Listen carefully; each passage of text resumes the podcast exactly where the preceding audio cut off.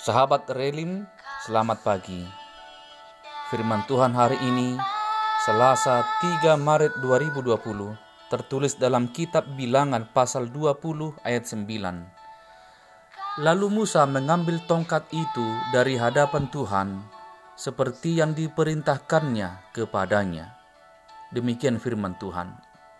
Saudara-saudari, salah satu keistimewaan Alkitab adalah tidak menutupi sisi lemah atau kekurangan tokoh-tokoh besar sekali bermusa.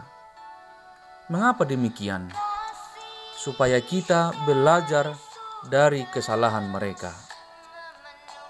Waktu itu bangsa Israel sedang di padang gurun. Mereka dan ternak mereka kehausan dan ingin minum. Lalu Tuhan mendengar keluhan mereka dan memberi perintah kepada Musa Perintah Tuhan sangat jelas. Ambillah tongkat ini dan katakanlah di depan mata mereka kepada bukit batu itu supaya keluar airnya.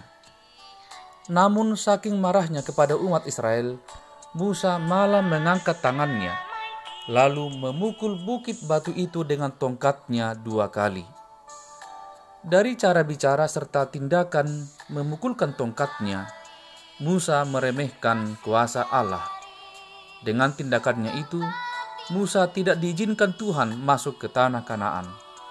Karena tindakan gegabahnya, Musa menutup mata airnya sendiri. Saudara-saudari, pada saat-saat tertentu, ketika kita mengalami masa krisis, ketika usaha kita gagal, ketika anak-anak kita membuat ulah, ketika pendapatan kita menurun, ketika pekerjaan begitu membosankan, ketika sahabat sangat menjengkelkan, ketika rumah kita tidak lagi ada kedamaian, ketika penyakit begitu menekan, berhati-hatilah agar ketika kita mengalami masa-masa itu, kita tidak berbuat dosa. Jangan melakukan keputusan atau jangan melakukan tindakan apa pun saat kita sedang marah, agar mata air kita tidak tersumbat oleh ulah kita sendiri, tetapi terus mengalir menetes hingga mengalir deras seperti yang Tuhan inginkan.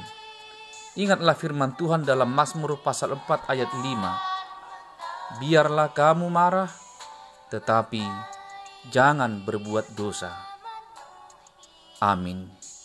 Marilah berdoa. Ya Tuhan Allah Bapa kami, kami mau belajar taat, mengikuti perintah-Mu, agar sungai aliran kasih-Mu terus mengalir, mengairi hidup kami. Amin. Shalom.